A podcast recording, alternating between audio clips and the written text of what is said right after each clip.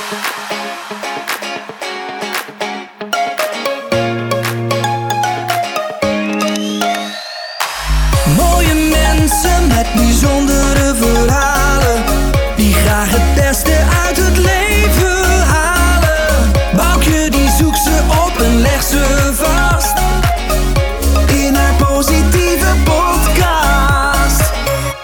Positiviteitspodcast. Mijn naam is Boukje Jongendijk en mijn gast van vandaag is Marnix Kluiters.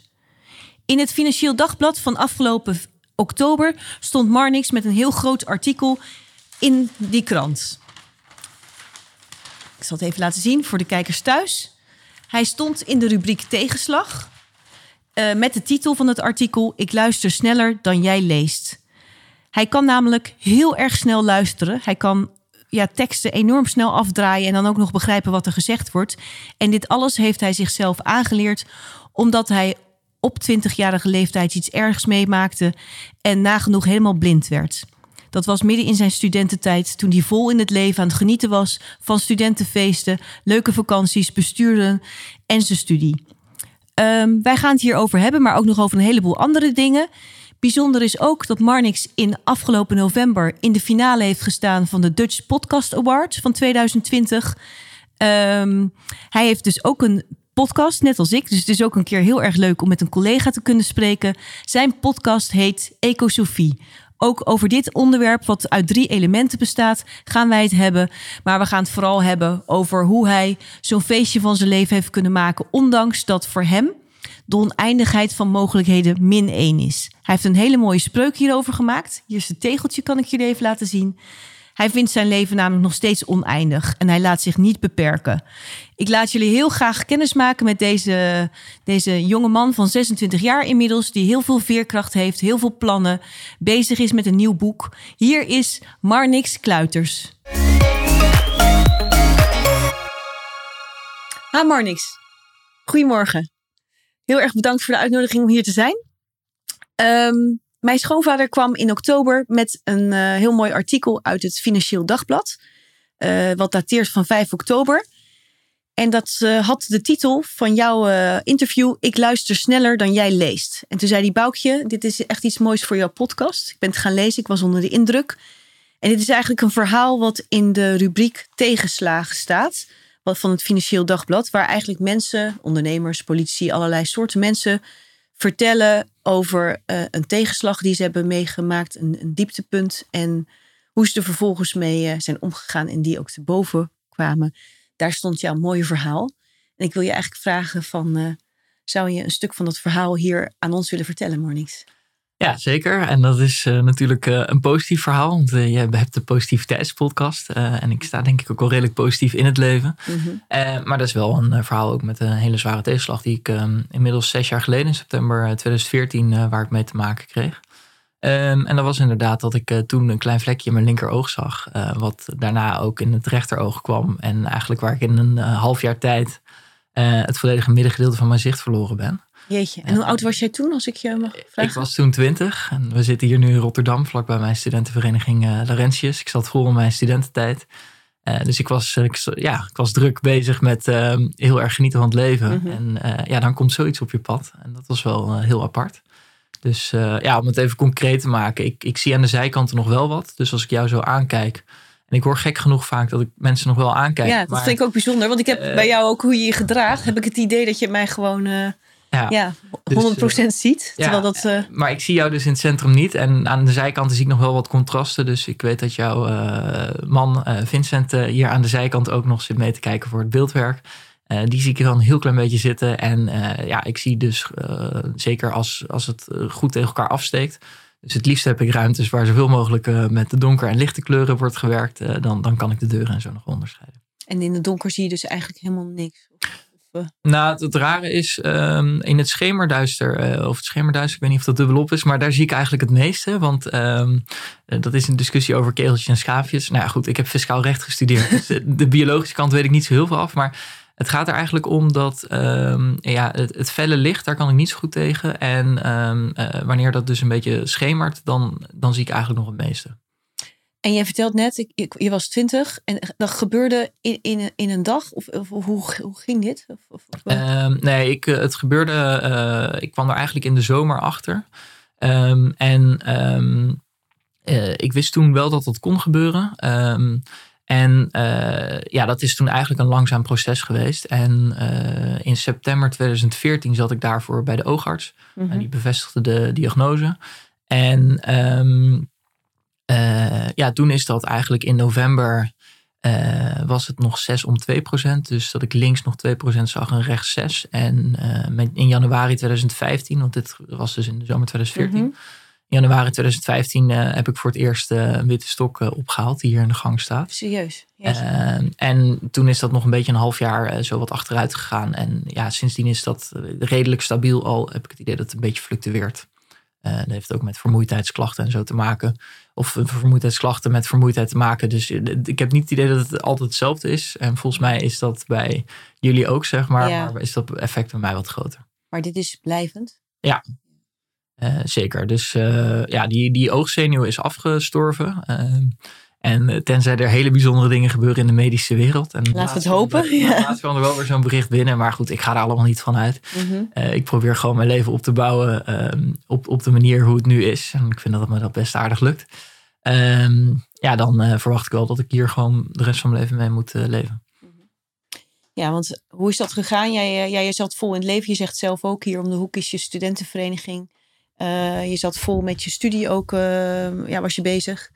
En op een gegeven moment is alles eh, ja, niet, niet meer zichtbaar. Eh, en, en toen? Ehm, nou, het was wel bijzonder, want ik had ehm, eigenlijk net mijn propenduizen voor accountancy gehaald. Ja. Ik had nog één vak openstaan, dat heb ik daarna nog binnengetikt. Ehm, en ehm, dat ging me redelijk goed af, want ik had eerder, dat was aan eh, een HBO-instelling hier vlakbij. Mhm. Eh, ik had eerder ook een jaar op de universiteit gezeten, dat had ik niet gehaald. Dus nou, dat HBO was weer iets, eh, was weer goed te doen, zeg maar. Mhm. En toen wilde ik er ook wat bij gaan doen. Dus ik zou toen penningmeester worden van de Rotterdamse Kamer van Verenigingen. Dat is het overkoepelend orgaan van alle studentenverenigingen, uh, studentengezelligheidsvereniging moet ik zeggen, in Rotterdam.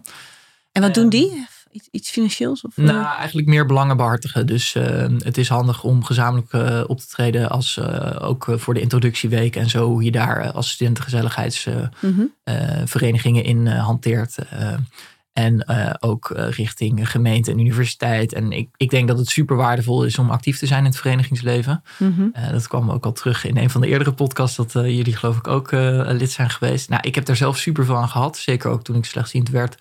Dat het ook wel echt fungeert als een soort sociaal vangnet. Ehm, en dat kun je natuurlijk wel met z'n allen eh, een beetje de visie van nou, waar je eh, lid wordt, maakt niet zoveel uit. Eh, maar zorg in ieder geval dat je lid wordt. En daar waren we toen heel erg mee bezig. En ehm, ja, in plaats van dat niet meer te doen, heb ik dat gewoon wel gedaan. Want studeren lukte natuurlijk niet meer echt in die tijd. Eh, Mhm. mijn zicht werd steeds slechter. En ja, op een gegeven moment kon ik de letters gewoon niet meer lezen. Ehm, dus toen heb ik bij Laurentius eh, gevraagd waar je als eerstejaars ook gewoon schoonmaakdiensten en zo hebt. Of ik niet Oh. eerstejaars mocht eh, eh, gebruiken die in plaats van naar schoonmaakdiensten eigenlijk de vertaling zou doen tussen het boekhoudsysteem en.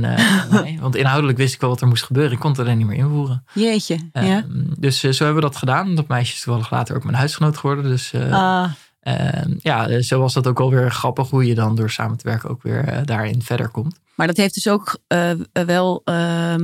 Eh, je hebt wel meteen ook eh, je opengesteld, kwetsbaar opgesteld. eh, zodat anderen ook je konden helpen. Dus je hebt er ook voor opengestaan. Ja, zeker. En ik was wel eigenlijk al vanaf het begin dat ik zoiets had, als je nou over positiviteit hebt, van ja, we gaan gewoon kijken hoe ver we komen. Ehm, en we gaan gewoon naar oplossingen zoeken. En zeker niet, dan lig ik er wel uit. Ehm, dus ja, dat, dat, dat, dat was wel fijn ook dat ik in zo'n bestuur zat. Want ehm, het studeren lukte niet meer echt. Mhm. Ehm, en ehm, daardoor, eh, doordat ik dat bestuursjaar had, had ik nog wel gewoon een soort programma in mijn leven. Dus het is niet dat je ineens helemaal buiten de samenleving stond. En ik heb ook wel het idee, als ik zie wat jij allemaal eh, nog eh, ja, gewoon bent gaan doen daarna, dat jij, ja, ik weet niet of ik dat zo kan zeggen, maar dat je het ook wel weer als een uitdaging ziet om met de beperking die er is, juist alles eh, aan te gaan pakken. Of, of eh, Ja, en dat is tegelijkertijd ook wel een van mijn gevaren geweest. En daar ben ik op een gegeven moment ook wel echt tegen de muur mee aangelopen. Eh, want, wat, Nou, ik, het is wel goed om dat zo te vertellen. Want ik heb het, dat artikel waar jij het net over had, dat heette Ik luister sneller dan jij leest. Ja. En dat was wel interessant. Want eigenlijk toen ik heel slechtziend werd, toen kwam ik in een patiëntengroep ook terecht op Facebook. Nou, toen ben ik eigenlijk gewoon die hele lijst doorgescrolld met alle berichten die erin stonden. Of er wat interessants tussen stond. En iedereen had zelf een beetje een, in ieder geval een oogafbeperking. Of, uh... Ja, nou, de, de, eigenlijk precies dezelfde oogaandoening uh, die ik heb. Oké. Um, Alleen de meeste mensen heb ik wel het idee, die zien toch wel een stukje meer dan ik. Um, maar uh, goed, dus dat kan ook weer heel erg daarbinnen verschillen. Verschillen. Mm -hmm. um, en toen kwam ik eigenlijk iemand tegen die, um, uh, die was de gast bij de Social Club van BNN, heet het geloof ik. In ieder geval Tim Hofman was daar presentator. En mm -hmm. die liet eigenlijk horen hoe hij, of hij liet horen aan Tim Hofman van, nou, zo werk ik. En Tim Hofman, die kon dat niet verstaan. Dus die zegt, hè? Maar wat bedoel je van, uh, hoezo werk ik? Wat, deed hij? Hij werkte dus auditief met zijn computer. En hij liet horen hoe hij Facebook bediende. En uh, de, Tim stond daar dus uh, te kijken van, huh, hoe dan? En het is misschien wel leuk als ik het zo even laat horen. Ja? En toen knalde hij de opmerking erachter. Ja, hij staat nu eigenlijk nog aan de langzame kant. Want wat jij eigenlijk doet, dat las ik dus ook, dat intrigeerde. Dat is ook een hele mooie titel. Hè? Ik luister sneller dan jij leest. Ik heb gelezen, jij leest ongeveer, of je luistert meer dan 500 woorden per minuut. Ja. En dat is wat hij ook deed. Of, of, of uh... ja, ja, ik weet niet precies hoe de snelheid toen stond, maar niet nee, maar goed. sneller dan ik kon ja. staan. En toen dacht ik, uh, ik denk hier nu beperkt te worden en dingen niet meer te kunnen. En hij laat dingen horen die ik niet kan. Dus dat vond ik wel fascinerend. En toen uh, was er toevallig, want dat begon toen in de zomer, was de jaarlijkse patiëntendag een week of drie later. Uh, nou, toen uh, kwam ik hem daar ook tegen. En uh, toen vertelde hij dat hij daar ook cursus in gaf via een bedrijf, Babbage. En ehm, nou, dat ben ik uiteindelijk gaan doen. Maar het is misschien wel leuk om... Ja, te vind, ik ben heel benieuwd. Ja, ehm, ja dit, dit is dus zeg maar... Ik weet niet of het zo te horen is. Ik denk het wel. Maar dit is waar ik de hele dag naar luister. Serieus? Ja, het scherm staat dus ook uit. En daar word je niet helemaal knettergek van? Ja, in het begin wel hoor. Dan krijg ik daar wel een beetje kop aan van. Het is gewoon een synthetische computerstem. Spreeksnelheid 85, 65 60% 55% Zo is het voor jullie denk ik ook. Ja, zo is het voor ons oké, okay, ja. Touch ID of voercode in. Touch ID of Touch ID of Touch ID toegangscodeveld. Touch ID of voercode in. Ja, hij staat nu op. Scherm vergrend 11 uur 9. Maar donderdag dit is dan de datum. Op de thuis donderdag Ja. 11 uur, 11 uur 9. Hier heb je bovenin nog de, de, de dingetjes. Nou goed. Maar dat is een, eigenlijk een programma op jouw telefoon. 11 uur Ja, nou dit is een iPhone en iPhone is extreem toegankelijk. Uh, die hebben daar heel erg op gefocust. Dus iPhone heeft dat, uh, of Apple heeft dat helemaal in zijn computerprogramma's verwerkt. Ja. Um, en uh, dus, dus in iedere iPhone zit dit. Dus onder, bij algemeen onder toegankelijkheid, toegankelijkheid kun je geloof ik de voice-over instellen. Dus ik kan gaan oefenen. Ja, dus als je dat wilt. Of als je zwaar dyslectisch bent of zo. Ik kan me voorstellen dat het best wel handig is. Ik ben daardoor ineens veel meer boeken en zo gaan lezen. Ook omdat ik heel passief heel veel informatie tot me kan krijgen. Um, dus dat was ook wel weer interessant. Uh, Dus, eigenlijk, jij, jij, jij, jij hoorde dat. Jij dacht, joh, wacht eens even. Er gaat bij mij nu iets. Uh, ik word ergens in beperkt. Maar ik kan nu ook iets, uh, iets extra's gaan doen. Ik ga een uitdaging aan. En jij zegt eigenlijk, dat doe ik om, om meer, nog meer informatie in kortere tijd tot je te nemen. Of wat is je doel?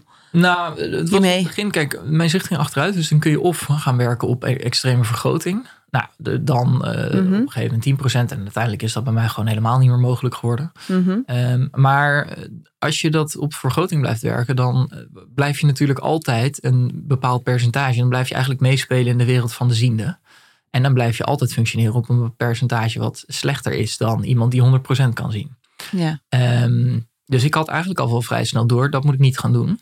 Um, ik kan goed horen, dat, dat werkt nog wel gewoon. Laat ik gaan kijken hoe ver ik daarmee kan komen. En dat was ook precies de insteek van die training, om dus juist uh, goed te compenseren. En daardoor eigenlijk, um, want ik heb hier 40 uur training voor gehad om dit ook op mijn computer helemaal non-visueel te kunnen bedienen. Uh, daar werk ik overigens met een ander programma, dat heet NVDA, Non-Visual Desk Access. Mm-hmm. En dat neemt dus, uh, dat zorgt ervoor dat alles op je computer eigenlijk uitgelezen kan worden. En daar moet ik wel zeggen, leven we wel in een prachtige tijd dat uh, bijna alles toegankelijk is. En dat ik dus ook mijn eigen podcast uh, kan maken. Ja, dat is geweldig. Ja. Uh, daar hebben we het nog niet eens over gehad natuurlijk, maar dat nee. komt later. Ja. Maar dat was dus wel die visie die ik had inderdaad. Van laten we de sterke punten benutten en niet de zwakke punten. En, eh, Maar dat is, is dat iets wat in jou zit? Hè? Ik, ik, ik weet dat jij een enorme Feyenoord-kampioen eh, gek bent. en Een Feyenoord-fan. En je zegt eigenlijk steeds, las ik in verschillende stukken... van eh, joh, ik denk dat ze elk jaar kampioen worden. Dus jouw glas is altijd half vol, zal ik maar Ja. even zeggen. nou, Had je dat al? Of heeft dit je extra getriggerd? Ik weet niet of dat altijd zo is geweest. Wel al een hele tijd. Dat ik toch Mhm. altijd wel weer aan het begin van het jaar denk dat Feyenoord kampioen wordt. Een enorme Feyenoord kampioen gek. Dat is lastig. Want Mhm. eh, in mijn leven zeg maar dat ik sinds ik Feyenoord volg zijn we één keer kampioen geworden. Een aantal mooie momenten is meestal op één hand te tellen. Maar ja. Ja. ik ga daar toch. En mijn vrienden worden er geloof ik af en toe bijna gestoord van. eh, toch altijd wel weer vrij positief in. Ik denk dat we een heel eind kunnen komen. Ja. Ehm, dus dat heb ik wel. Ehm, Ja. Maar om terug te komen op wat je net zei. Ik heb daar ook wel hele bewuste keuzes in gemaakt. Want ik studeerde accountancy. Dat is extreem cijfermatig. Nou, dat is auditief ja. niet heel makkelijk op te lossen. Want je moet links, rechts, eh, boven, beneden eigenlijk tegelijkertijd kunnen kijken. Dus ik heb er toen voor gekozen om van accountancy over te stappen naar fiscaal recht. En dat kon ik met mijn P kon ik, ehm, eh, het eerste jaar overslaan. Oké. Ik instroom in het tweede jaar. En dan ruil je natuurlijk veel meer die cijfermatige kant in voor een wetgeven, een, wet, een wettelijke, wettelijke Mhm. teksten. Mhm. Wettelijke teksten zijn natuurlijk, dat is platte tekst. Daar gaan, er staan geen grafieken in. Nee, ik ken ze. Ze zijn saai. Eh, ja, ja, en dat is dus Ja. perfect om dat auditief op te lossen. Dus eh, daar heb ik wel een hele bewuste keuze in om inderdaad die sterke punten ook te benutten. En dat ging ook heel erg goed. En nou, ehm, je, je, dat snelle afdraaien, deed je dat ook met studieteksten toen al? Ja. Of? Ja, ik heb toen dus eh, uiteindelijk mijn propeduizen voor accountancy, eh, geloof ik, in dat najaar nog gehaald met een mondeling. Toen eh, begin januari, geloof ik, zijn die trainingen begonnen om volledig non-visueel te leren werken. Mhm. Nou, dat is bij elkaar iets van 40, uur- 40 uur durend traject geweest. Want ja, je moet volledig leren werken met sneltoetsen ook op je computer. Want ja, de muis dat is puur iets visueels. Dus die kan Oh, niet ja. gebruiken. En ik deed eigenlijk nog opslaan met ehm, de muis naar dat opslaan-icoontje in Word. Eh, terwijl dat ook gewoon met Ctrl-S kan. En zo kun je eigenlijk de computer volledig met het toetsenbord bedienen. Ehm, maar ehm, eh, dat moest ik helemaal leren. En dan komt daarbij eigenlijk nog dat eh, uitleesprogramma. Dus ehm, dat eigenlijk alles wat dan nog steeds niet werkt, dat dat goed uitgelezen kan worden. En dat er allerlei goede geavanceerde op, instellingen zijn, waardoor je ook op een veel snellere manier kan navigeren. Mhm. Dus eigenlijk, net zoals jij door een website kijkt, dat zou niet handig zijn als ik dat van A tot Z af laat spelen. Dus Nee. Daar zijn allemaal strategieën voor te bedenken om daar op een goede manier doorheen te komen.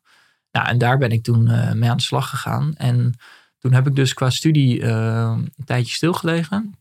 Uiteindelijk haalde ik in juni een eerste tentamen weer. En toen dacht ik, Mhm. nou, laat ik de tweede ook maar doen. En toen ging ik heel lekker. En toen was het zomervakantie. Dus ik heb ook voor. eh, Er zijn weinig zomervakanties waar ik zo erg van gebaald heb als die. Want toen was ik eindelijk weer goed aan de slag. En ik haalde eerst een 8 en daarna een 7. En toen dacht ik, nou, kom maar, we gaan door. En lag de hele boel natuurlijk stil. Ehm, maar dat ben ik toen wel eh, ook gaan vervolgen. Dus die studie ging eigenlijk prima. En dat was allemaal auditief best wel goed te doen. En de dingen, ik moet wel zeggen, de Hogeschool Rotterdam heeft altijd wel echt heel goed meegedacht. En die hebben mij daar echt in hun kracht gezet. Terwijl ik ook wel eens andere verhalen hoor waarbij ja, je ook nog een hele bureaucratische romslomp oploopt. Nou, dat is echt niet fijn als je dat eh, meemaakt. Ehm, en Nee, je had zelf natuurlijk ook een enorme drive. Ik denk dat dat ook eh, gewoon Ja. wel helpt. Ook naar je omgeving, met je studentenvereniging, met Ja. iedereen om je heen.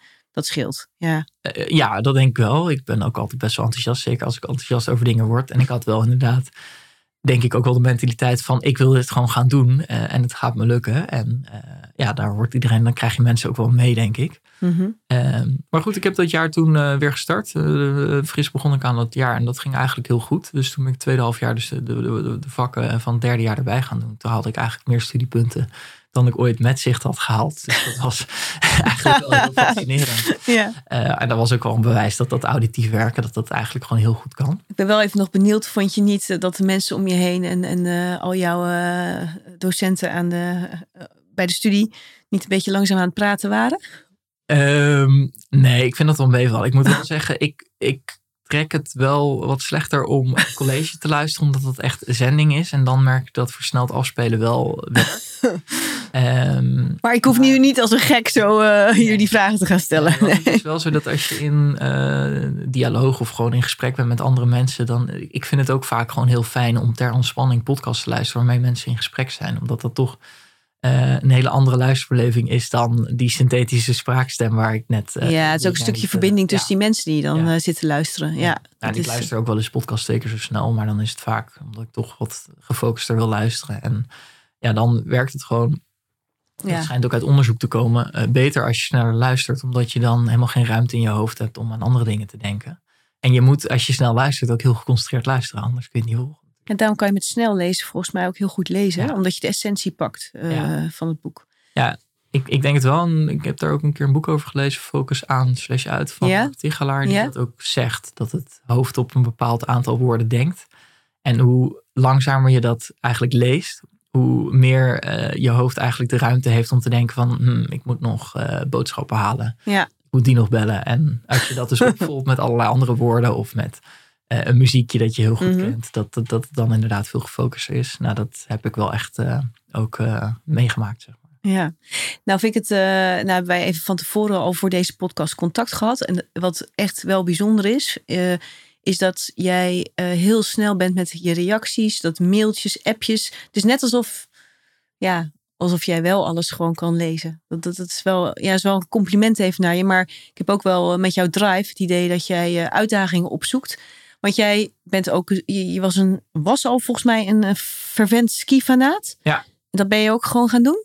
Ja, dat was dus ook interessant. Want ik vertelde eigenlijk eh, enerzijds dat ik dat ehm, snel luisteren ben gaan doen. Ja. Dat ben ik tegengekomen. En toen in maart van dat jaar, dus in 2015, dus drie kwart jaar nadat het allemaal begon.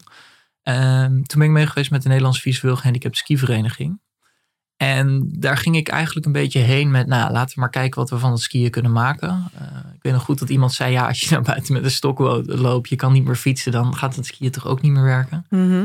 En ik dacht, nou, dat zullen we daar wel zien. Die vereniging zal vast niet voor niks bestaan. Ehm, maar goed, toen ging ik daarheen en de eerste dag stond ik op de kinderwei. En ja, ik heb twee jaar wedstrijden geskiet van mijn 12 tot mijn 14e. Dus Jeetje. ik, ik, kan best wel gewoon Goed beetje skiën, ja. En die man die zei, ja, kijk maar of je nog op je zicht achter me aan kan skiën.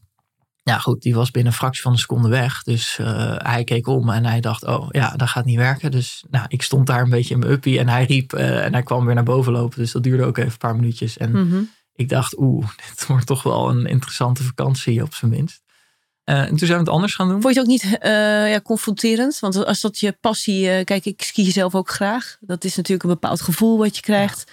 Ehm, dat, dat is toch... Ja, je beschrijft het alsof het best makkelijk was. Maar was het makkelijk? Want het Nee, is toch dat- wel even echt best wel heftig. Dat moment op die kinderwei was heel confronterend. En eh, zeker die eerste dag dacht ik wel van, oh, dit is wel heel anders dan het was, zeg maar. Ja, Maar de loop van die week was wel heel erg goed. En eh, je skiet dan iedere dag met een andere begeleider. Eh, zij eh, hebben zeg maar de begeleiders geregeld. En dat zijn allemaal ook gewoon hele goede skiers over het algemeen. ja. En ehm, ja, die eerste dag was daar ook wel iemand die, die me daar goed in geholpen heeft. En ja, we hebben het toen dus omgedraaid. Dus hij is achter mij gaan skiën en is mij van commando's de berg af gaan coachen. Dat was toen nog met eh, gewoon echt roepen. Dus echt met links en rechts en, Ja. en draaien. Of moet ik het zo zien? Ja, Of? nou, je, je, je kunt niet te veel zeggen natuurlijk, want het, het gaat allemaal in een fractie Ja. natuurlijk. Dus je moet heel duidelijk en kort communiceren. Ja, en jij moet vertrouwen natuurlijk ook op diegene. Ja, want dit is wel blind Want vertrouwen. je ziet gewoon helemaal niks. Nee. Nee, en eh,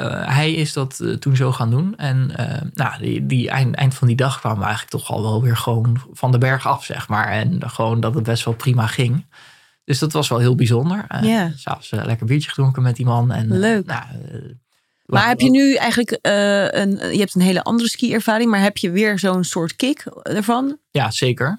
Want dat is wel gaaf. eh, Wat er gebeurde eigenlijk was ehm, dat ik eh, in de loop van de week ging dus iedere keer iemand anders met me aan de slag. En zo werd ik ook op techniek steeds beter.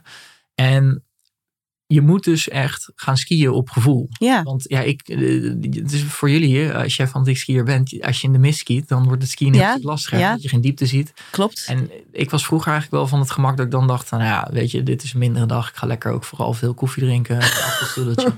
en, en dan gaan we morgen wel weer. Nu is het elke dag mist. Of, of ja, dat ja, maakt wel dat je een hele wel- andere manier van skiën moet gaan hanteren. En veel technischer moet gaan skiën om op dezelfde manier te kunnen skiën.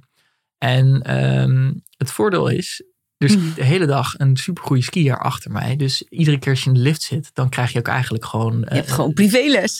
Dus ik ben denk ik technisch veel sterker gaan skiën. Op een gegeven moment ging ik met een man aan de slag. Die ook eh, zei, jij moet nog veel meer kunnen. En volgens mij kunnen we gewoon gaan carven. En eh, Oh. die, die, eh, die eh, weken dat je dan gaat, zijn ook meestal wel gewoon buiten de vakantieperiode. Zodat het ook gewoon rustig is op de piste. Ja, Ehm, en het blijft natuurlijk wel risicosport. Maar goed, Mhm. dat, dat gaat allemaal best wel goed. En ehm, ja, toen schoot ik ineens ook weer. Want als je een, een goede carvebocht inzet, dan schiet je ski ineens een keer er vandoor. Dus dan maak je ineens veel meer vaart. Omdat je op een bepaalde manier druk zet. En de kant van de ski eh, benut. Ja. En ja, dat was heel gaaf. Toen dacht ik ineens van wow, eh, dit geeft weer een kick. En ehm, eh, dat is inderdaad een samenspel van vertrouwen. Ja. Maar ook iets wat dus echt heel goed ging. Nou, en je hebt misschien het filmpje op YouTube gezien Ja. wat er van mij is. ja, ik vond het echt mooi. Ja, mooi, maar je skiet echt goed. Ja, Ja. dat was dus drie jaar later. En ik moet zeggen, ik heb ook nog gekeken of ik wedstrijden kon gaan skiën. richting Paralympics. Eh, daar heeft een eh, guide, Danielle, me ook nog heel erg in eh, geholpen. eh, die, die veel tijd er ook in heeft besteed. En daardoor, door al die mensen die daar wel gewoon aan bijgedragen hebben, kwam ik wel weer heel snel de berg af. En dat was wel heel gaaf. Uiteindelijk wel erachter gekomen dat het wedstrijdskiën, dat dat ook wel gewoon, ja, dat ik daar niet heel gelukkig van werd. Eh, omdat je dan juist de vrijheid die ik met het skiën ervaar, eh, die geef je dan weer op. Omdat je heel strak langs een paal moet skiën. Oh ja. Terwijl ik Ja. het juist gaaf vind dat je Ja. lekker vrij Alle bent kanten op en kan. eh, alle kanten op kan, Ja. inderdaad. Ehm, dus ja, dat was wel een heel bijzondere week, die eerste week. En dat heb ik daarna nog heel erg vaak herhaald. En ik zou nu in maart weer gaan, maar goed. Ja. Toen gooide corona in de route in het eten. En nu in december stond er ook weer een tripje gepland. En toen gooide corona weer route in het eten. Ja. Dus nou, ik hoop toch wel dat we volgend jaar weer kunnen gaan. Want dat is wel een van de dingen die ik het liefst doe. En waarvan ik ja, wel zoiets heb van... Ja, als dat kan, dan kan alles. Dat had ik met name toen. En dat heb ik nog steeds wel. Want ik had nooit verwacht dat dat nog zo goed zou kunnen. Nee, dat is wel heel gaaf. Maar dat, dat, als je dat even gewoon eh, vanaf een afstandje bekijkt, zie je ook bij jou dat er, er komen beperkingen allemaal op je af. Maar je gaat zoeken naar wat er wel kan. Eh, In plaats van de hele tijd kijken van, eh, ja, je had ook op de bank kunnen gaan zitten en ze kunnen zeggen, nou kan ik niet meer skiën. Hè? Het, is, het is afgelopen, maar je bent gaan zoeken. Een vriend van mij die deed dat ook. eh, die ging ook altijd met zijn vriendin ehm, skiers begeleiden. Hij begeleidde ook nog ehm, mensen met slecht zicht met het hardlopen. Is dat iets wat jij ook leuk vindt? Of, of ik begrijp dan dat je met een maatje ook gaat Ja. hardlopen? Of, of zijn er nog andere dingen die, je die je graag doet? Ja, nou, dat is ook wel weer eh, interessant. Want ja, hardlopen zelf, dat is niet echt een succes. Dan loop ik natuurlijk overal eh, tegenaan. eh, Dus Ja, dat- ik loop gewoon buiten met een stok. Ja. Ehm, maar toen op een gegeven moment, ik heb wel eens met Running Blind hier in Rotterdam organisatie. Oh, dat is ook zo'n club, ja. Maar dat was toch op de momenten niet echt handig. Want ik heb ook wel gewoon best wel veel dingen te doen. Mhm. vrijdag en zondagochtend. Mhm. Zondagochtend, ik ga ook nog wel eens op stap zaterdag. Dus dat schoot ook niet echt op. En toen op een gegeven moment ben ik weer gaan kijken hoe ik toch ook wat meer kon sporten. Ook in de buitenlucht. Want Mhm. wel gewoon jammer als je dan op een lopende band, wat ik ook veel heb gedaan in de sportschool, staat hard te lopen. Oh ja. Ja. Ehm, toen kwam ik per toeval eigenlijk een collega tegen. Of ik sprak met iemand anders daarover en die raadde mijn collega aan. En dat is een ultraloper. En die is Oh, toen met mij gaan oppakken. Eh, dat, daar zijn we, ik denk in oktober vorig jaar, ja, nu een jaar geleden mee gestart. En dat was wel heel leuk. Toen ben ik eigenlijk iedere maandag eh, in de lunchpauze met hem gaan hardlopen. Oh, wat leuk. En Ja. aangezien hij dat best wel professioneel eh, doet, eh, ja, kon hij mij daar ook goed Had je weer een trainer erbij? Ja, en, het was wel heel gaaf, want eigenlijk met een, houdt hij mij dan vast aan een lintje. Dus zeker bij de binnenbocht voor hem kan hij mij zo heel makkelijk meetrekken. En dan volg ik heel makkelijk de, de bocht de andere kant op. Heb Dus jij niet dat om je middel of heb je dat vast? Nee, we hebben allebei gewoon de ene, eh, het uiteinde van het lintje vast. Oh ja. En ja, dat gaat eigenlijk super goed. totdat corona kwam, eh, toen zaten we natuurlijk allemaal thuis. En hij woont hier niet heel dichtbij. Dus hij is hier nog wel een keer langs geweest om nog een keer hier hard te lopen. Eh, en inmiddels was er ook een nieuwe huisgenoot. Dus nu ben ik met hem veel aan het hardlopen. Ah, leuk. Nou, leuk. Eh, en ik merk dat dat wel heel erg leuk is om te doen. En ja, ook wel gewoon heel waardevol om eh, dat eh, zo te kunnen oppakken. Ja.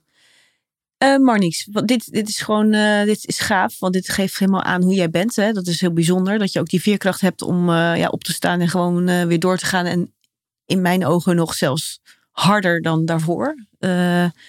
Zo je kansen te pakken. Jij, jij bent verder, ben jij op een gegeven moment, eh, las ik ergens, je bent een, een, een, stage gaan lopen bij een heel groot advies- en accountantskantoor. Eh, in welke periode was dat? Ja, dat was twee jaar na, dus dat was september 2016. Dus twee Ja. jaar nadat het eigenlijk allemaal begon. En wat je eigenlijk zegt, hè, nu net van misschien nog wel harder. Ik, ik heb ook gewoon drie maanden eigenlijk bijna niks gekund, zeg maar. Dat het, mijn zicht slecht was en dat ik dus nog niet kon functioneren met die computer. Ja, Dat is wel een heel pijnlijke situatie ook geweest. Dat je op je twintigste eigenlijk gewoon Ja. eh, niks kan doen. mhm, Eh, dus ik denk dat daar die drive ook wel heel erg vandaan is gekomen. mhm. En toen ben ik dus heel hard gaan studeren. Eh, daar rolde een stage uit bij een heel groot bedrijf, een mooi bedrijf. Mhm. En toen kwam ik daar en precies eigenlijk de, de reden dat ik fiscaal recht was gaan doen, was omdat het eh, wat meer eh, op, op, op die teksten was. Mhm. En achteraf heb ik daar toch niet goed genoeg over nagedacht, denk ik. Want toen kwam ik op een aangiftepraktijk terecht. En dat was eigenlijk weer heel praktisch werk.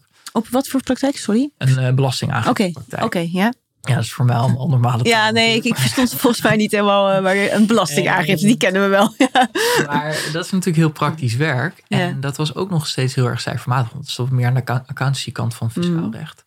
En ja, ik zat toen heel erg in die flow van... ik kan alles, eh, ik kan skiën, ik kan snel luisteren... ik heb superveel studiepunten gehaald. Eh, Kom maar op. ja. En eh, ja, dan zit je in één keer toch niet meer in de vrijheid... eh, dat je zomaar je eigen planning kan bepalen. Dat was gewoon vier dagen stage lopen. Dus vier dagen eh, ja, in het Mhm. vast ritme. Nou, dat is voor veel studenten denk ik sowieso al even wennen... voordat je eh, daar strak in zit. En Mhm. nou, toen lukte ineens heel veel ook niet meer.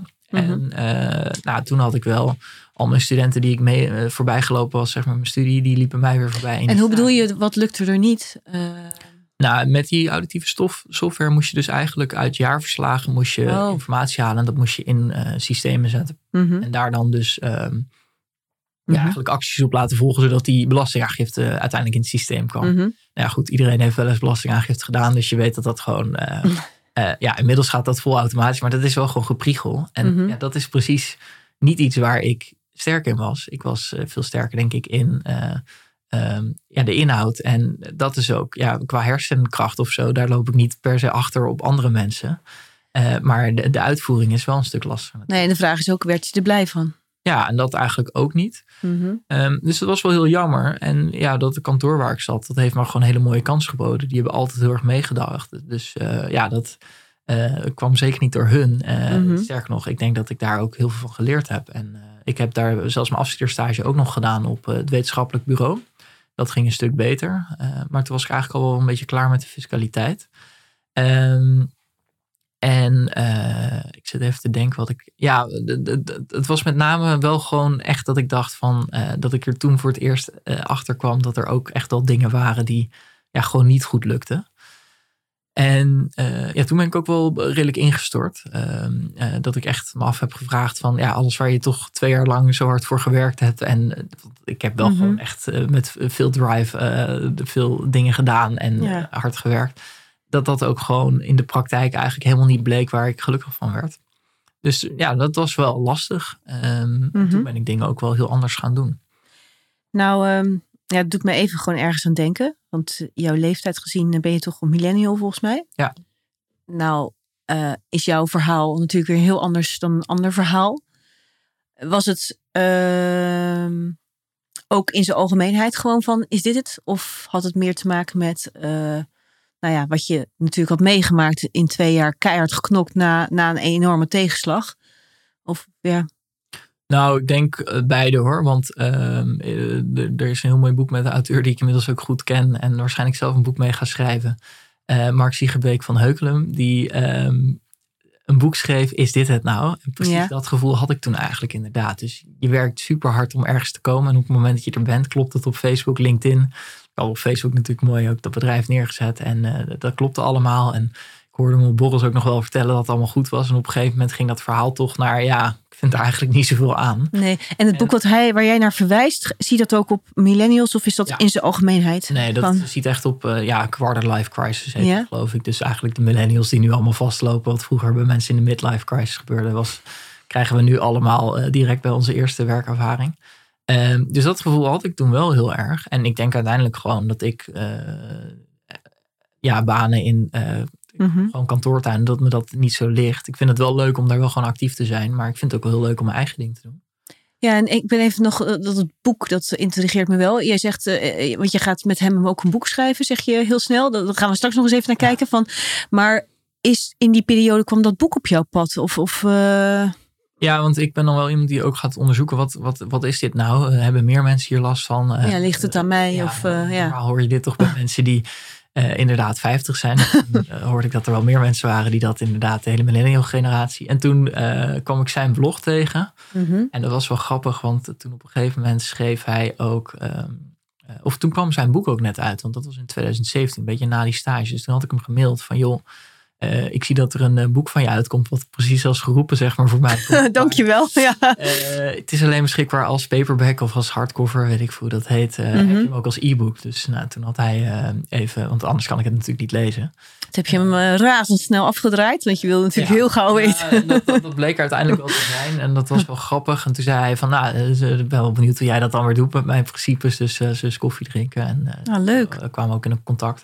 En ja, dat ging eigenlijk precies daarover van eh, eh, niet leven naar een prima zeventje, maar naar je eigen tien. En dat vond ik wel een mooie boodschap, zeg maar. Eh, ja, want ik was wel heel erg aan het leven naar een soort perfect plaatje. Terwijl, Ja. ja, ja, ik merkte eigenlijk dat dat dus niet echt werkte voor mij.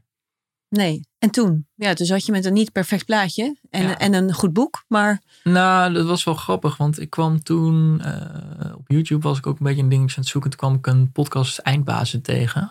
Ja, En waar, we, eh, ja, waar we heel erg, eh, dat, doet natuurlijk wel een beetje hetzelfde denk ik ook als jij. Alhoewel jij denk ik wat meer in een niche nog zit. Ehm, nou ik luister hun verhalen wel heel graag. Ja, ja. ja, ik vond het wel grappig, want ik was gewend om naar weet ik veel. Wil jij misschien eh, even voor mensen die het niet kennen, wil jij uitleggen wat zij doen? Van, Ja. Nee, dat wilde ik meenemen inderdaad. Want ik was, ik was eigenlijk gewend om gewoon naar programma's als De Wereld Draait Door en zo te kijken. Gewoon allemaal snelle informatie, eh hup, hup, hup. Ja, en ook op tijdstippen die gewoon gepland staan op de televisie. Ja. Van zo laat komt dat en dan, Ja. dan ga ik kijken. En dit was dus in 2006, eind 2016, begin 2017. Dus Mhm. de meeste mensen hadden toen nog nooit van het woord podcast gehoord. Of die hadden het icoontje wel eens voorbij zien komen. en eh, dachten dat dat nog muziekmixen waren die heel lang waren achter elkaar gemixt. Ehm, en ehm, toen hoorde ik ineens twee jongens die mensen interviewden. En er stond twee uur bij. Nou, dat nodig niet per se uit om naar te kijken. Nou, ik had het toch maar even aangeklikt. Ik dacht, nou, een paar minuutjes. Maar ik kreeg het eigenlijk niet meer echt afgezet. Ik was gewoon benieuwd. Ik wilde verder luisteren. En ehm, eh, zij gingen dus twee uur lang met mensen in gesprek. En met name op het gebied van persoonlijke ontwikkeling. Dus eh, al die dingen die ik zelf ook had. En eh, eigenlijk een beetje je eigen feestje van het leven maken. Mhm. Dat kwam daar heel erg aan bod. Dus dat vond ik ontzettend gaaf. En ja, op een gegeven moment had ik heel veel van die interviews geluisterd. Mhm. En eh, toen ging ik op een gegeven moment weer op wintersport. En ik kwam zondagavond thuis en ik checkte toevallig de nieuwsbrief. Toen stond er dat zij gastenboeker zochten. Dus ik Oh. dacht, nou, dat lijkt me gaaf. Eh, ik weet niet of die functie eh supergoed bij me past of zo. Maar ik vind het gewoon leuk om hier aan bij te dragen. Het lijkt me leuk om met die gasten in contact te komen. Met Wigert en Michel. Ja. Dus ik eh, die ochtend daarna gelijk motivatiebrief getikt. En toen had ik Wigert eh, die woensdag aan de lijn dat eh, ik het geworden was. Dus dat was wel heel erg leuk. En dat was ook mijn entree eh, naar de podcastwereld. Dus eh, dat was eh, maart 2017 dan, denk ik. En ja, En toen mocht je voor hen dan gasten gaan organiseren? Ja. Of hoe, hoe, wat moest je doen? dus nou, het was eigenlijk zoiets dat zij het steeds drukker kregen met de podcast. Nou, Ja. Je weet ook dat het lijkt allemaal leuk om een uurtje interviewen. Maar uiteindelijk komt daar veel meer bij kijken Ja. dan eh, eh, wat het is. Eh, Mhm. En zij hadden eigenlijk gewoon iemand nodig die voor hun het, ehm, eh, ja, het contactproces uit, uit handen nam. Dus iemand die de agenda gewoon ging regelen. Mhm. En ze vonden het ook prima als ik dan wat mensen binnenbracht. Want daar had ik natuurlijk, dat vond ik wel weer leuk aan de creatieve kant. Dus als je van toegevoegde waarde wil zijn, dan moet er natuurlijk altijd een beetje een praktische kant aan zijn. En het is ook altijd leuk als je eigen creativiteit daarin kwijt kan. Dus ehm, dat ben ik toen gaan doen. Wat jij zei, nou, mailen en zo, dat kan ik allemaal prima. Ja. En toen al heel snel vond ik het eigenlijk leuk om mee te gaan denken eh, over het gastenbeleid. Dus eigenlijk was het een beetje alsof ik eh, zelf bepaalde waar de Voetbal International over ging. Want eh, ik kreeg mensen van... Oh, alleen maar over Feyenoord. ja, precies. Nou, als het gelegen wel. En Op zo'n positie kwam ik dus. Dus ik kreeg mensen van hun doorgeschoven, die plande ik in. En iedereen die ik zelf interessant vond, die kon ik daar ook wel in overleg natuurlijk. Ehm, maar eh, ja, ik denk ook wel dat er flink veel namen tussen zaten in de, de lijst van... Ik heb daar van aflevering 60 tot en met 120 of zo gezeten, denk ik. Oh, lang. Ja. Eh, ehm, maar dat daar toch wel eh, behoorlijke namen zaten waarvan zij ook, dat vonden ze allemaal prima. En waar zij ook, ja, wat ze leuk vonden. Ook een Jan Terlouw bijvoorbeeld, die daar Ja. dankzij mij heeft gezeten. En Leuk, dat is ja. voor hun ook heel leuk. Ehm, en ja, na anderhalf jaar eh, merkte ik dat het allemaal een beetje hetzelfde bleef. Dat zij ook een beetje aan het kijken waren hoe ze de podcast konden veranderen. En dat ik daar ook wat minder blij van werd. En ehm, toen dacht ik, ja, als ik deze brief een beetje herschrijf, mijn eigen naam eronder zet, twee microfoons koop en een eigen podcastnaam bedenk, dan kan ik dit ook wel zelf. Ehm, dus dat ben ik toen gaan doen. En wat ontstond er toen voor moois? Ja, dat was ook wel grappig, want eh, filosoof Henk Oosterling, die hier ook in Rotterdam woont, eh, best wel een bekende naam ook op de Ja. Universiteit, die, eh, eh, had ik ook een keer bij Eindbazen neergezet. En die had toen op een gegeven moment over eh, dat ecologie begint bij de kennis van het huis, economie bij de wetten van het huis. Of andersom, een van de, of, Ja. wel die namen, maar ik weet niet meer of die nou economie of ecologie eerst zijn. En toen zei hij, en ecosofie gaat voor mij over de wijsheid van het huis. En dat Dus eigenlijk drie gaaf. pijlers van het huis. Ja. In plaats van de al onbekende één van de economie? Of, of eh, moet ik Ja, zo niet zien? ecologie, of in ieder geval dat het... eh, Allemaal aparte hokjes en dit wordt bij elkaar. Ja, en wat goed is om te weten, toen ik die stage had, toen ben ik heel erg gaan nadenken over waardecreatie. Eh, fiscaliteit staat natuurlijk ook niet altijd in een goed daglicht, zeg maar. Ik vind wel dat je daar een stuk genuanceerder over moet nadenken dan ik destijds misschien wel deed. Want ja, we hebben wel gewoon goede fiscalisten nodig. Ik geloof dat jullie ook een eigen bedrijf hebben. Daar zul je ook vast niet op zitten te wachten om dat allemaal zelf uit te gaan zo- zoeken. Liever niet. Nee. Ehm, dus, ehm, eh, maar ik zat wel te denken van ja, wat zijn we hier nou met z'n allen aan het doen? En toen ben ik eerst heel erg gaan nadenken over social enterprises. Dat zijn echt bedrijven die eh, maatschappelijke waarde creëren op basis van businessmodellen. Mhm. Ik zat te denken van ja, moet ik dan voor maatschappelijke waarde... eh, want het was natuurlijk wel zo dat er op die berg waar ik die skiervaring had... stonden mensen vrijwillig, zonder daar een euro voor terug te krijgen... een gave ervaring, een betekenisvolle ervaring met mij te creëren. Ehm, dus ik Mhm. dacht, ja, dat, dat zijn wel de momenten waar ik gelukkig van word. Maar goed, Mhm. we kunnen een wereld natuurlijk niet inrichten op basis van goede doeleninstellingen. Hè? Dus dat, dat- en toen kwam ik social enterprises tegen, die dus dat deden op basis van een businessmodel. Maar Ja, ik ben ook benieuwd. eh, Had je dan ook eh, een bepaald bedrijf eh, waar je echt heel enthousiast van werd? Of gewoon van het fenomeen in zijn algemeenheid? Nou, het fenomeen in zijn algemeenheid ook. Daar ben ik Mhm. uiteindelijk ook op afgestudeerd. eh, want ik heb toen onderzoek gedaan naar belastingheffing bij social enterprises.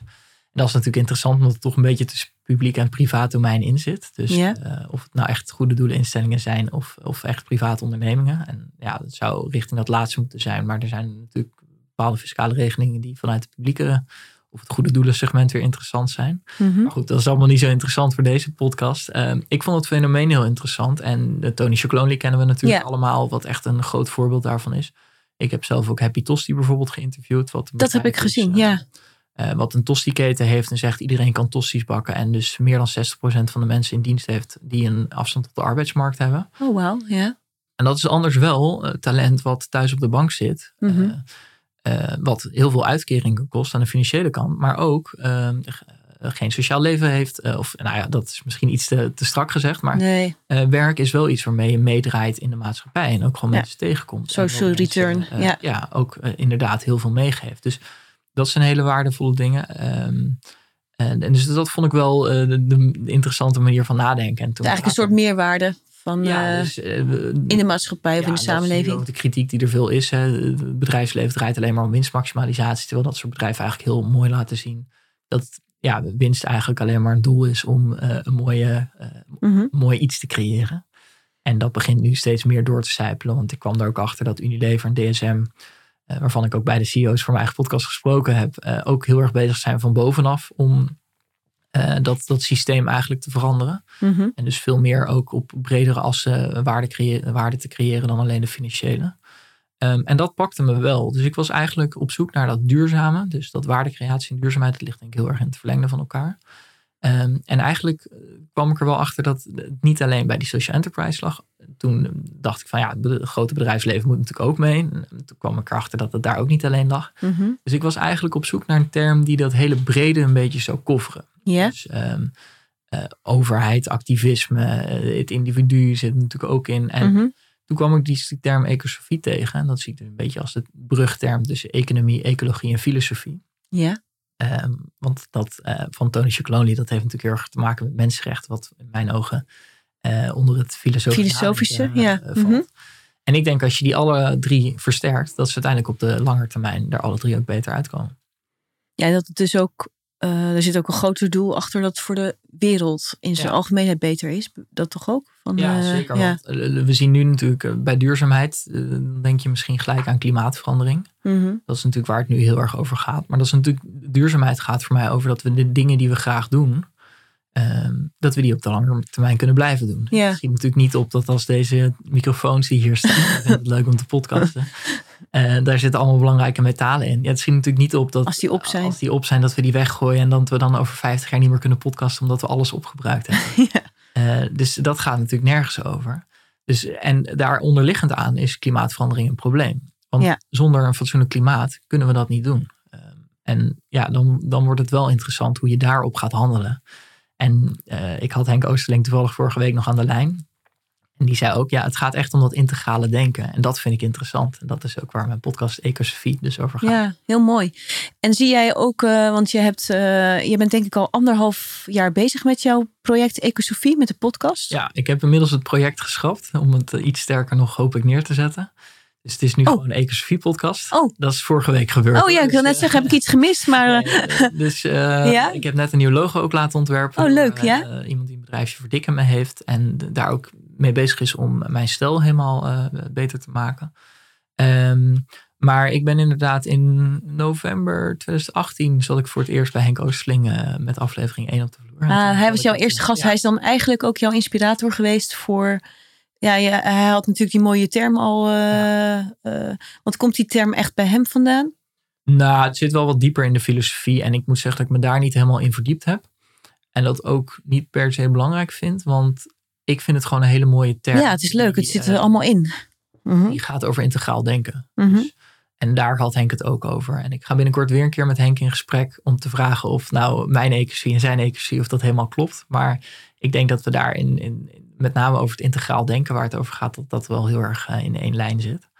Want even eventjes, want je zegt we gaan eens kijken of het bij elkaar hetzelfde is. Dus eigenlijk zeg je van eh, of hij onder ecosofie hetzelfde verstaat als dat ik dat doe. Ja. Nou ben ik benieuwd, wat versta jij eronder? Als je, als je het gewoon, eh, wat, wat zijn voor jou de meest belangrijke stukken daarin? Of, Nou, ik denk dus dat ehm, eh, economie, eh, ja, als je puur naar economie kijkt op de korte termijn, Mhm, eh, dan gaat dat dus ten koste van de ecologie. mhm, Maar als je die ecologie dus niet op goed inbedt, dan Mhm. gaat het op de lange termijn natuurlijk ook ten koste van de economie. Want ja, ik, ik weet niet hoor, maar de natuur is een van de grootste productiviteitsbronnen die we hebben.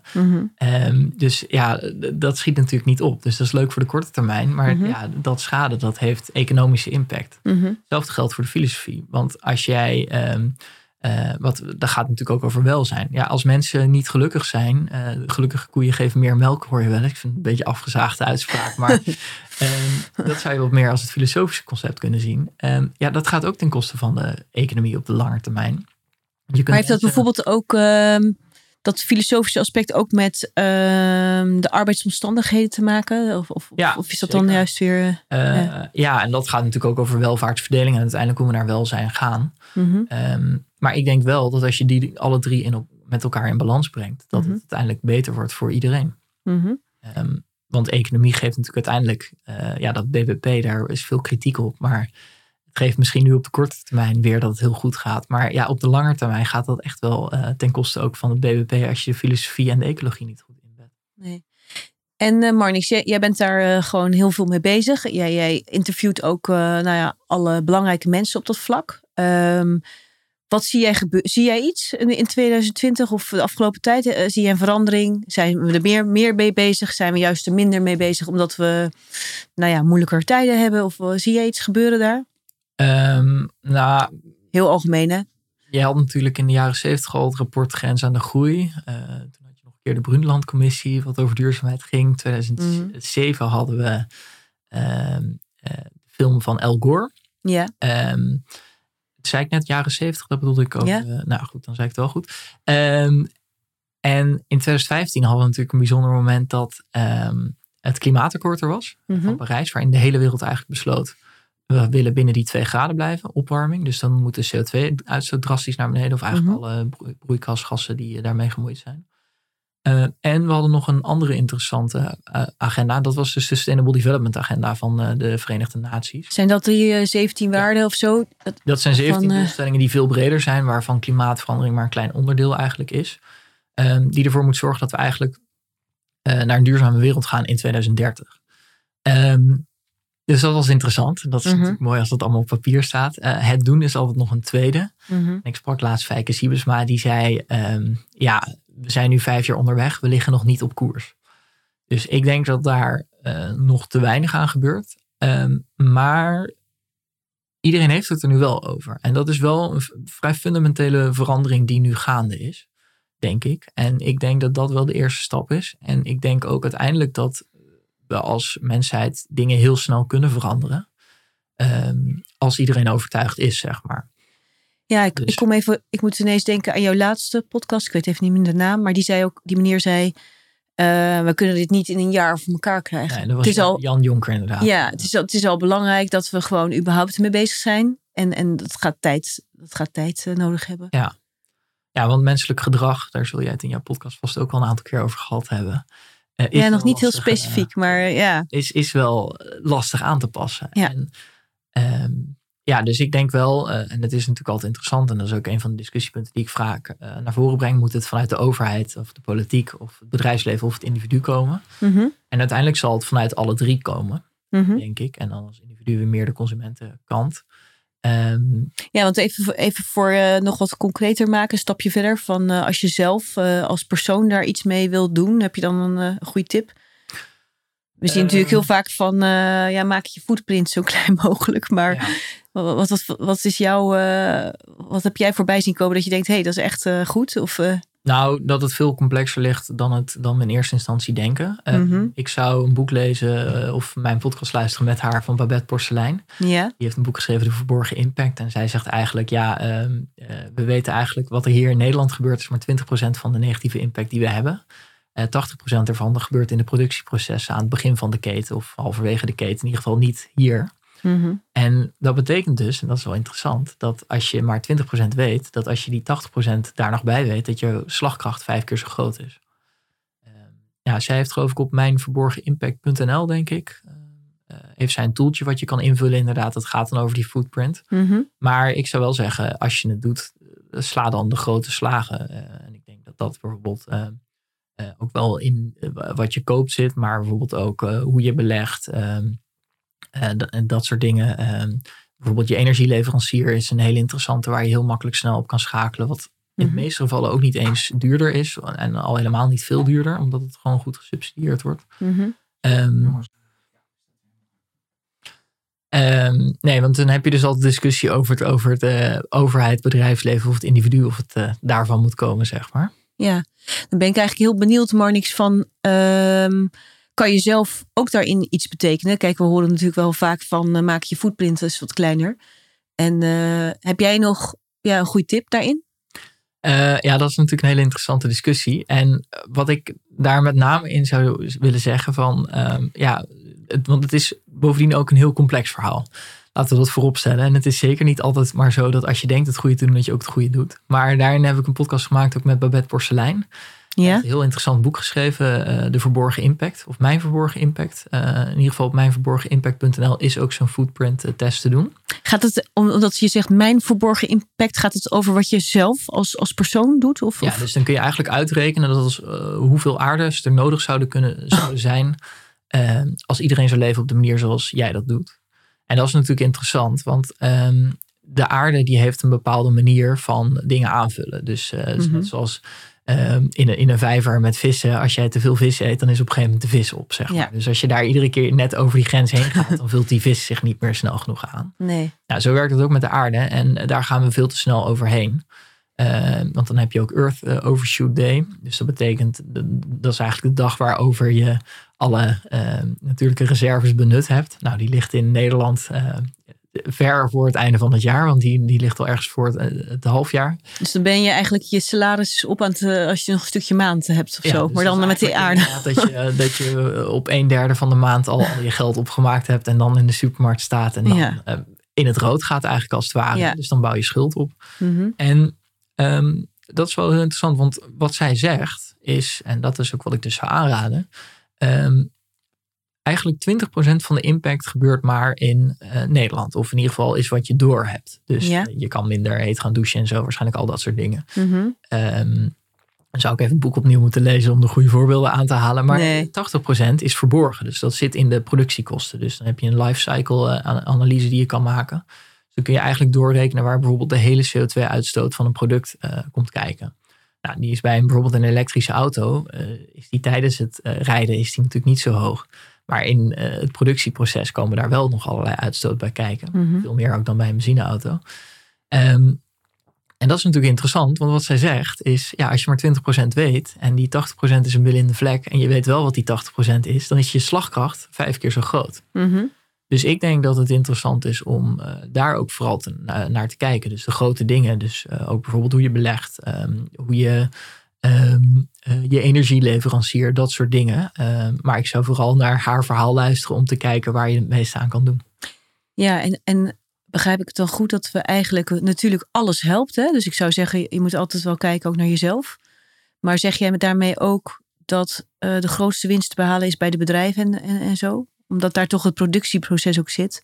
Ehm, nou ja, je kan natuurlijk ook weer beargumenteren dat als jij weet hoe dat productieproces in elkaar zit, dat je dan als consument Niet koopt. bij een bepaald bedrijf moet kopen. Maar ja, dat is Ja. natuurlijk wel, eh, ja, Ja, ik, ik heb zelf geen zin eerlijk gezegd om in een supermarkt bij alle producten die ik, eh, nou, nou doe ik ook nog eens meestal telefonisch boodschappen, dus ik bel altijd hij dan op. Ja, dan heb ik ook geen zin om daar eh, precies heel eh Nee. nuttig bij alle producten te zeggen welke ik wel en niet moet hebben. want dan ben je heel snel aan het luisteren, maar dan ben je heel lang met je boodschappen bezig. worden boodschappen doen nog wel een aardige klus. Ja. Dus ik denk dat, dat het wel deels van de consument moet komen. Want je hebt natuurlijk mensen die wel... Je kan bijvoorbeeld door Tony's te kopen... kun je wel eh, het bedrijf supporten. En daardoor Mhm. kunnen zij weer groter worden. En eh, dat is natuurlijk met alle bedrijven zo. En ook als ik een tosti ga eten bij Happy Tosti... in plaats van een andere commerciële Mm. Ja, dan support ik dat eh, natuurlijk wel. Ja, want waar je geld eigenlijk aan uitgeeft, dat Ja. support je in feite wel. Ja. En tegelijkertijd had ik van de week ook iemand aan de lijn die zei: Ja, ik rij een elektrische auto. Maar ho eens even. Ik ben met, eh, wij zijn twee verdieners. Ehm, ik kan het betalen. Ik kan ook niet zomaar van iedereen verlangen dat ze dus Nee. duurzaam. En, en dan sta ik er op verjaardagen cool over te doen. Terwijl ja, iemand anders kan helemaal niet zo'n dure auto betalen. Dus Nee. ja, dat ligt natuurlijk wel ook heel erg eh, bij de politiek. En dan is het natuurlijk wel zo dat je ook weer daarin zelf kan kiezen wat je kan stemmen. Maar ja, ik denk dat daar wel een bepaalde verantwoordelijkheid ligt. En daarnaast is het natuurlijk ook niet zo. Ja, bedrijven hebben misschien wel veel meer kennis daarin. Maar die zijn ook weer eh, in een soort speelveld actief. Die kunnen zich ook niet buiten de markt prijzen. Mhm. Eh, dus ja, ik vind het ook eh, ongenuanceerd om dan maar te zeggen: alle bedrijven zijn fout. Dus nee. maar die filosofische vraag van waar moet die transitie nou vandaan komen? En ik denk uiteindelijk dat alle drie daar een steentje in bij moeten dragen. Eh, en niet een steentje, want dan gaat het allemaal Gaat niet opschieten? Ja. Ehm, maar dat, dat daar wel ehm, eh, ja, aan alle knoppen gedraaid moet worden. En dat we dan eh, ook wel echt in die transitie komen. En misschien dat we er al wel in zijn, dat weet ik ook niet zo goed. Maar dat is wel heel erg waar mijn XV-podcast over gaat. Van hoe moeten we dat nou doen? Ja, en ehm, als we dat doen, dan heb je eigenlijk, zeg je van, dan heb je maatschappelijke meerwaarde gecreëerd in die samenleving. Maar even nog heel concreet, wat brengt het ons als we dus eh, de afwegingen gaan maken vanuit die ecosofie? Ehm, nou, dat gaat dus om dat integraal denken. Dus dat betekent sowieso dat we geen schade meer toebrengen aan de wereld. Mhm. Dus, en dan kom je eigenlijk op het true pricing verhaal uit, wat ik in aflevering 8 besproken heb met Adriaan de Groot Ruiz. Dus dat betekent eigenlijk dat je eh, bijvoorbeeld in de prijzen van producten eh, Ja. alles gaat meerekenen. Dus dat er geen kinderhandjes aan je chocola zitten, dat er geen eh, mensen met een onleefbaar loon, dus Mhm. dat er wel een leefbaar loon eh, voor Mhm. iedereen die gewerkt heeft eh, in de productprijs zit verwerkt. Mhm. Ehm, dat er geen klimaat- of ecologische schade wordt ehm, eh, gerekend. Dus eigenlijk alle facturen die in een prijs verwerkt zitten, die of in de toekomst gelegd worden of ergens anders niet betaald worden, die breng je dan wel terug in de productprijs. Nou, dan, ehm, dat zorgt alleen maar voor geen schade. Dan kun je nog een stap verder gaan. En dat is eigenlijk dat je echt kijkt hoe je eh, waarde kan creëren. Dus hoe je waarde kan toevoegen. En dat vind ik veel interessanter. En daar vind ik die social enterprises weer heel interessant in. Ehm, die vaak, eh, zo'n happy tosti, die, dit, Mhm. dat zorgt echt voor eh, betekenis in het leven van mensen. En ik denk dat dat in heel veel aspecten zeg maar het geval is. Dus dan ga je echt veel meer nog nadenken over ehm, hoe, hoe, creëer ik nou echt betekenis met ja, de 40 uur die ik per week bezig ben. Ja. Nou ben ik eh, even benieuwd. Je hebt in je podcast ehm, meestal twee vragen die je aan de mensen stelt. Ja, Ik vond het toch eigenlijk wel leuk om een van die vragen ook een keer aan jou te stellen. ja. Ehm Marnix, ehm, even kijken. Wat zou jij veranderen aan deze wereld als je het voor een jaar voor het zeggen had? En even met jouw laatste podcast in eh oogschouw nemen. Die meneer zei een jaar is te kort. Maar als je het gewoon vijf jaar voor het zeggen hebt. Ja.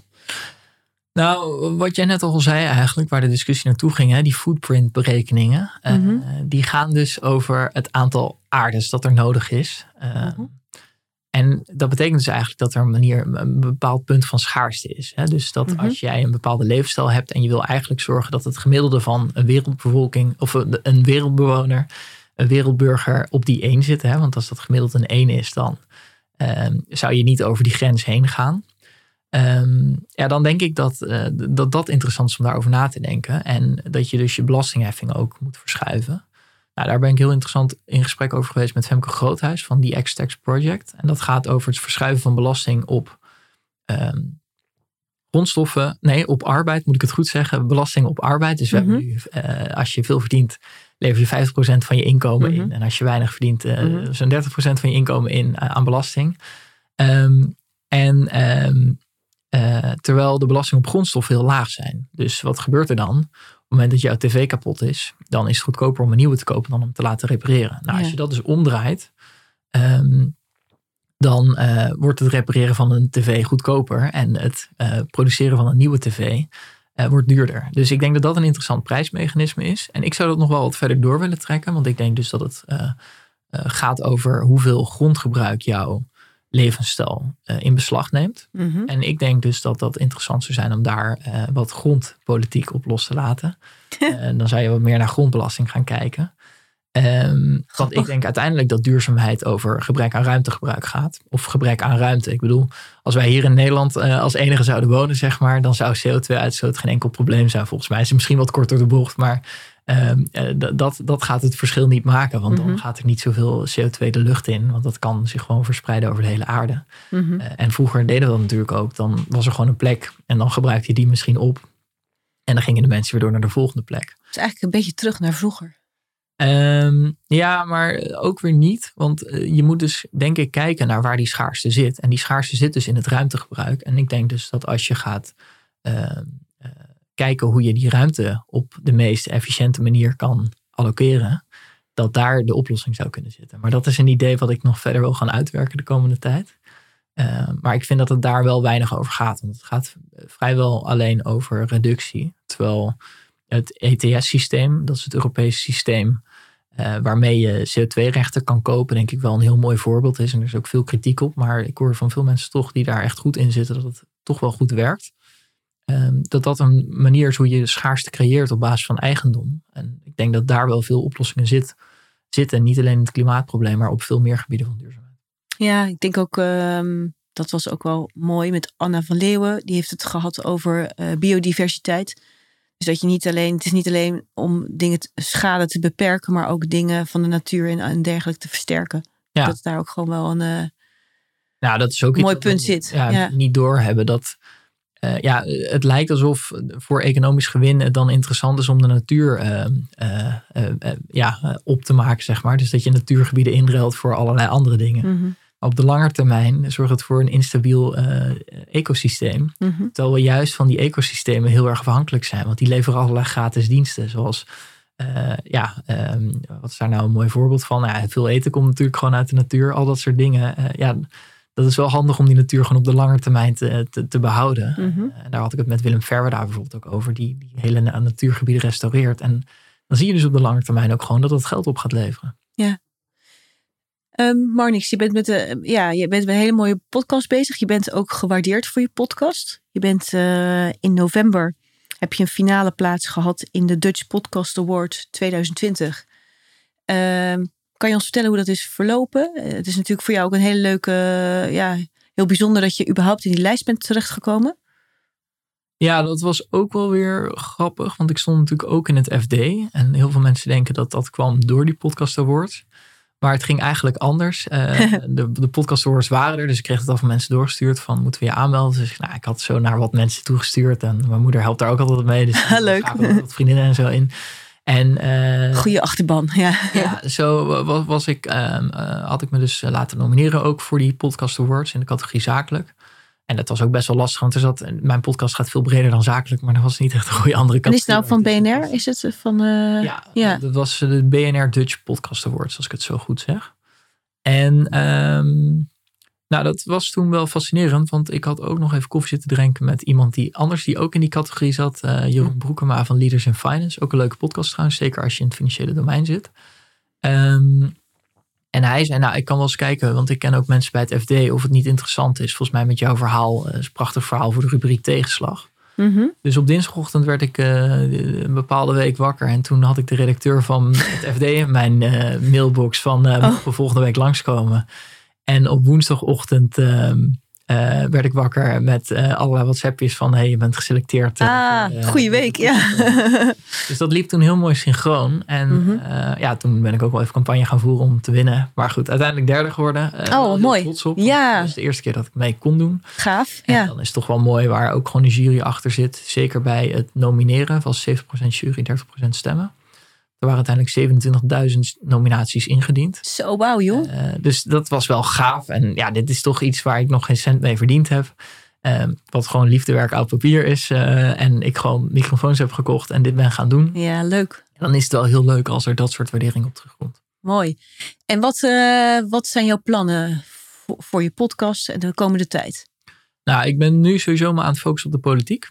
En ik vind dat de politiek eigenlijk te veel gaat over eh, hoe iemand zijn haar gezeten heeft, bij wijze van spreken. Eh, heel erg over de vorm en niet over de inhoud. En Ja. dat steekt mij wel. Eh, Want ja, heel veel mensen weten eigenlijk helemaal niet waar ze op stemmen. En dat is Mhm. juist waar mijn podcast dus over gaat, over de structuren in de samenleving blootleggen. Dus het is ook bijna allemaal tijdloze content. En wat mij nou interessant leek, was om eens in te gaan op de ideologie achter de partij. Dus ik heb ehm, nu met, even denken, vier ehm, eh, eh, directeuren van eh, de wetenschappelijke instituten die achter een politieke partij zitten. Dat zijn onafhankelijke bureaus. Oh, Die, ja. ehm, eh, ja, dus, dus eigenlijk meer onderzoek doen naar eh, wat er vanuit die ideologie, eh, hoe je naar de samenleving moet kijken. En daar heb ik eigenlijk een hele brede manier van eh, eh, gevraagd eh, hoe die stroming in elkaar zit, hoe zij kijken naar welvaartsverdeling en vervolgens ook hoe zij kijken naar duurzaamheid. Dus dat through pricing en ook eh, hoe je vanuit die ideologie moet kijken naar de strategy of the commons. Eh, dat is, eh, Wat is dat laatste? ja, dat is eigenlijk dat je verschillende boerderijen hebt, als ik het goed uitleg nu, die ehm, van hetzelfde gras gebruik maken en daar hun schapen op laten grazen. Oh. Dat betekent dus dat het voor iedere boer individueel interessant is om daar een extra schaap neer te zetten. Maar ja, goed, als iedereen dat blijft doen, dan is op een gegeven moment het gras op. Ja. En dan kom je dus tot de situatie dat het individuele belang niet leidt tot de optimale situatie in collectief belang. En daar heb je toch een manier. Je kan zeggen, nou, dan moeten al die boeren dat individueel oplossen. Maar goed, dan kom je er niet. Want dan prijst of een boer zichzelf uit de markt of op een andere manier. En dan kun je dus, dat is interessant om te vragen, hoe, hoe vind je dan dat het moet doen? Eh, Moeten die bedrijven met elkaar in gesprek gaan? Maar ja, dat is natuurlijk kartelvorming. Dat mag in Nederland ook niet zomaar. Nee. Moet een overheid daarop ingrijpen? En hoe dan? Mhm, Vanuit de liberalen werd er bijvoorbeeld gezegd dat er in eigendomsrechten gedacht moet worden. mhm. Dus dat vind ik heel interessant om te kijken hoe dat werkt. Want ja, duurzaamheid gaat dus veel breder dan alleen dat klimaatprobleem. En dat gaat er dus volgens mij eigenlijk om dat er uiteindelijk eh, niemand wordt er vrolijk van als het gras op is. Nee. Dat, dat lijkt me geen zin. En jij zei ook, volgens mij net, hoorde ik jou vertellen dat die politiek heeft ook een grote invloed daarop. Ja. Dus daar kan je ook verschil mee Ja. maken. En dat is met name dus dat ik het interessant vind wat het idee daarachter is. Dus dat je dat veel breder kan toepassen dan alleen op klimaatverandering. Want klimaatverandering is natuurlijk bij uitstek een, een voorbeeld van eh, die strategy of the commons. Dat individueel belang niet leidt tot collectief belang op de lange termijn. En is dit, die, jij, jij noemt vier interviews, komt dat in jouw eh, podcast Ecosofie? Of, Ja. of is dat... eh, Ja, er staan er nu twee online en morgen verschijnt de derde. En zo doe ik dat waarschijnlijk met iets van 7 à 8 stromingen. mhm. Eh, ik heb de, de meeste gesprekken ook ingepland. En dat hoop Mooi. ik te vervolgen met een actief politicus. En dan na de verkiezingen wil ik wel weer gaan richten op de planetaire grenzen. Dus dat soort dingen. En tegelijkertijd, ik zend nu zelfs wekelijks uit. Ik ben ook een dag minder gaan werken. Zo. Om hier toch meer aandacht aan te besteden. Zeker nu het wat professioneler wordt. Dus ik heb ook een eh, professionele tune nu laten maken wat er aankomt. Je bent echt op missie. De website wordt vernieuwd, dus dat is ook heel fijn. Ehm, en ehm, eh, wat ik. Oh ja, en dan is het dus ook wel leuk als er op een gegeven moment ook iets financieels voor terugkomt, natuurlijk. Dus dat is ook wel leuk om te ja, want hoe doe je dat? Ja, tot nu toe. Word je geholpen door mensen eh, om je ja, heen? ik word dus wel geholpen. Dus eh, een, een, een broer van iemand, een goede vriend van mij, Dick Bogers, eh, die heeft zijn bedrijf Verdikken Me. Die heeft een hele site vrijwillig gewoon aan het opknappen. En die heeft er echt veel verstand van. Dus dat is echt heel gaaf aan het worden. Ook dat Mhm. nieuwe logo ontworpen waar ik het net... Of wat, wat bij de naamsverandering ook veranderd is. Mhm. Ehm, vanuit Podcast Creators, een bedrijf dat ik tegenkwam, hebben ze mij geholpen met de tune die nu, waar ik als het goed is, morgen de laatste versie van krijg. En daar hebben ze ook een deel, deel van gesponsord. Dus Ah, eh, leuk. ook een nieuw bedrijf in het podcastsegment wat daar weer in meegedacht heeft. Eh, een meisje, ehm, eh, wat ik ken van mijn studentenvereniging, wat in mijn jaar zit, helpt me weer heel erg met de marketing. En zo merk je toch wel dat als je zoiets doet vanuit passie, dat toch ook wel veel mensen aan meedenken. Maar tegelijkertijd, eh, ja, ik verdien hier niks van. Het heeft me eigenlijk alleen maar geld gekost tot nu toe. Mhm. Is op zich prima, want het levert me natuurlijk ook heel veel op. Met mooi netwerk en inspiratie en een hoop kennis. Ja, je bent echt je missie ook aan het Ja. uitdragen, volgens mij. Ja. Ja, tegelijkertijd hoop ik ook, eh, ik zou het ergens wel mooi vinden als ik dit zonder sponsoring eh, zou kunnen blijven doen. Dus ik heb nu een petje afpagina. Dat is een beetje een Nederlandse variant van Patreon, wat wat bekender is eh, vanuit Amerika. Als iemand jou nou wil helpen, hoe werkt het dan met die petje af? Ja, dus dan kun je naar petje.af slash ecosofie gaan. En dan kun je daar voor 1 euro al mij steunen. En dat kan ook voor 2 of 3 euro per maand of een eenmalige donatie. Ehm, maar dat, dat hoop ik. En ik heb eigenlijk een beetje bedacht, al als er duizend mensen zijn die dit interessant vinden wat ik doe. En me daarin willen steunen met een euro. Ja, dan is het eigenlijk ook financieel duurzaam. Want ja, Oh, mooi. ik, ik kan dit natuurlijk niet tot in de eeuwigheid twee dagen per week blijven doen. eh, Zonder er iets voor terug te krijgen. Dus eh, ja, dat zou wel heel vet zijn als dat op die manier ook lukt. En dat is wel een heel mooi. Experiment. Ja, heel mooi. Nou, we zullen ook die, eh, die vindplaats even op mijn website zetten. ja, leuk. Eh Marnix, tenslotte. Ehm ik ben heel erg benieuwd of je nog een eh, mooie tegeltjeswijsheid voor ons hebt. Ja, dat was wat jij mij van tevoren natuurlijk ook al Ja. vroeg. En eh, een hele tijd geleden eh, zat ik ook met een goede vriend van me aan een kampvuurtje in Polen was dat. Toen hebben we het daar eens over gehad. En toen uiteindelijk eh, vertelde ik hem, en daar had ik daarvoor ook een beetje over na zitten denken, ook van ja, waar gaat het nou over? En wat ik uiteindelijk denk, en dat hoop ik toch ook altijd wel te laten zien, is dat eh, het aantal mogelijkheden eh, ja, oneindig is. En ehm, eh, dus als je echt denkt in mogelijkheden, dan, is dat, eh, dan kun je dat voorzien met een hele bullet point lijst aan mogelijkheden. En Mhm. dat is voor jou een andere oneindige lijst dan voor mij. Ik denk Maar- voor elk mens ook anders. Ja. Ja, dat denk ik wel. Want dan moet je ook invullen naar, naar je kwaliteiten en Ja. naar wat je leuk vindt en Mhm. wat je graag doet. En eh, oneindig min 1 is natuurlijk nog steeds oneindig. En dat is interessant aan het begrip oneindigheid. En dat heb ik wel heel erg gemerkt met mijn beperking. En dat ik me daarom dus ook niet laat beperken. Dus als je dat voorstelt als een hele grote oneindige rol, een wc-rol waar allerlei bullet points op staan, ja, dan is er bij mij toch wel een behoorlijk stuk van afgeknipt. Ja. Maar die is nog steeds oneindig. En als ik me gewoon blijf focussen op die mogelijkheden die er wel zijn, ja, dan kom je nog een heel eind. Er staat hier een piano in de kamer, daar ben ik drie jaar geleden mee begonnen. Eh, Wauw. Ja. eh, daarachter hangt een foto van een berg die ik nog zo, eh, heb beklommen Ah, zonder, Mhm. zonder zicht. Wat ik ook wel heel gaaf vond om te doen. Ik ski dus nog. Ik ben dit podcast natuurlijk ook weer gestart. Wat voor andere mensen die, ja, ik denk toch ook wat Ik heb er al moeite mee, joh. dat, ik, dat ik toch ook wel goed kan communiceren. Dus Ja. daar heb ik ook weer mijn sterke punten voor gepakt. En ja, bepaalde dingen lukken me ook niet. Zoals ehm, ehm, ja, dat werken in een eh, kantooromgeving vijf dagen per week. Ja, ik word daar niet gelukkig van. Ik vind het wel leuk om dat deels te doen. Want ik vind het ook gewoon leuk om collega's te hebben. Ik vind dat je heel veel leert ook Mhm. in een bedrijfsomgeving. Maar ik vind het wel leuk om te combineren. Dus ja, zo Ja. is dat voor iedereen anders. Maar ja, die oneindigheid min één, dat, ja, dat heeft me altijd wel gefascineerd. En dat Ja. is wel waar ik naar probeer te leven. Dat is nog steeds oneindig. Dus ik had hem jou iets strakker gemaild. Nee, maar ik vind hem heel mooi. Je had gezegd, eh, de oneindigheid van mogelijkheden min 1 is nog steeds oneindig. En daarom laat ik me niet beperken. En dat is eigenlijk precies de samenvatting van eh, wat je ons zojuist hebt verteld. Ja. Super mooi. Dankjewel. Ten slotte nog vind ik het altijd even leuk om te weten als mensen graag contact met je leggen, hoe ze jou kunnen vinden. En, en eh, nog even van je podcast, of je dat nog een keer wil herhalen. Ehm, ja, mijn podcast website is dus in overgang. Eh, sowieso als je wil steunen, dan kun je dus naar petje.af slash ecosofie. Eh, daar kun je ook komen via de website ecosofie.net. Die is nog in verbouwing, zeg maar. Dus die wordt nu gerealiseerd de komende twee maanden, gok ik ergens. Mhm. Ehm, op projectecosofie.nl, dat is nog de oude website. Daar staan wel alle afleveringen en die gebruik ik nog de komende tijd. Ik weet ook niet precies wanneer je dit online gaat zetten. Dus eh, daar, daar ergens schommel tussen. Ehm dan heb ik ook nog marnixschuiters.nl waar je ook het skifilmpje kan zien. Maar dat kun je misschien ook beter op YouTube Ja, gaan kijken. Als heb ik het ook eh, gevonden. Ja. Lin skiën Marnix Sluiters intypt, kom je daar ook. En als je mij wil bereiken, voeg me gewoon vooral toe op LinkedIn. Dan zie je ook al mijn post, post ehm, eh, terugkomen eh, over de podcast. En dan kun je me ook gewoon een berichtje sturen waar ik gewoon, als het goed is, op antwoord. De meeste berichten antwoord ik wel. Ik moet zeggen dat er nog een paar in mijn eh, berichtenbox hangen die ik nog steeds een keer moet antwoorden. Maar het werd wel druk eh, de afgelopen maanden. Dus Nou, nog steeds op de lijst om dat wel een keer te doen. Dus eh, sorry als, als je dit luistert en ik heb niet gereageerd. Stuur dan vooral even een reminder. nou, hartelijk dank dat jij voor ons tijd hebt kunnen maken. hartelijk bedankt voor jouw gesprek. En ik wens je super veel succes met alles wat je doet. En je, vind het gewoon heel mooi en we blijven je volgen. Ja, heel erg leuk om uh, hier te gast te mogen zijn. En uh, ontzettend goed ook waar jij mee bezig bent. En Dankjewel. Dat je nog uh, veel positiviteit ook mag maken. Dankjewel, we gaan er iets moois van maken. Zeker. Dankjewel. Leuk. Hartelijk bedankt voor het luisteren naar deze podcast. En Marnix, hartelijk bedankt voor het fijne gesprek en jouw ontvangst in Rotterdam. Uh, Marnix is te vinden op uh, social media, LinkedIn, Instagram. En vind je het leuk om zijn website te bezoeken? Zijn oude website is te vinden op projectecosofie.nl. En hij is op dit moment bezig met een uh, flinke make-over daarvan. Dus wanneer deze podcast online gaat, weet ik niet of dat al zover is. Maar die komt er in ieder geval aan. Uh, ik zou het ook erg leuk vinden om te weten wat jullie van dit gesprek vonden. Dat kan je door een comment te plaatsen bij een van de, van de kanalen.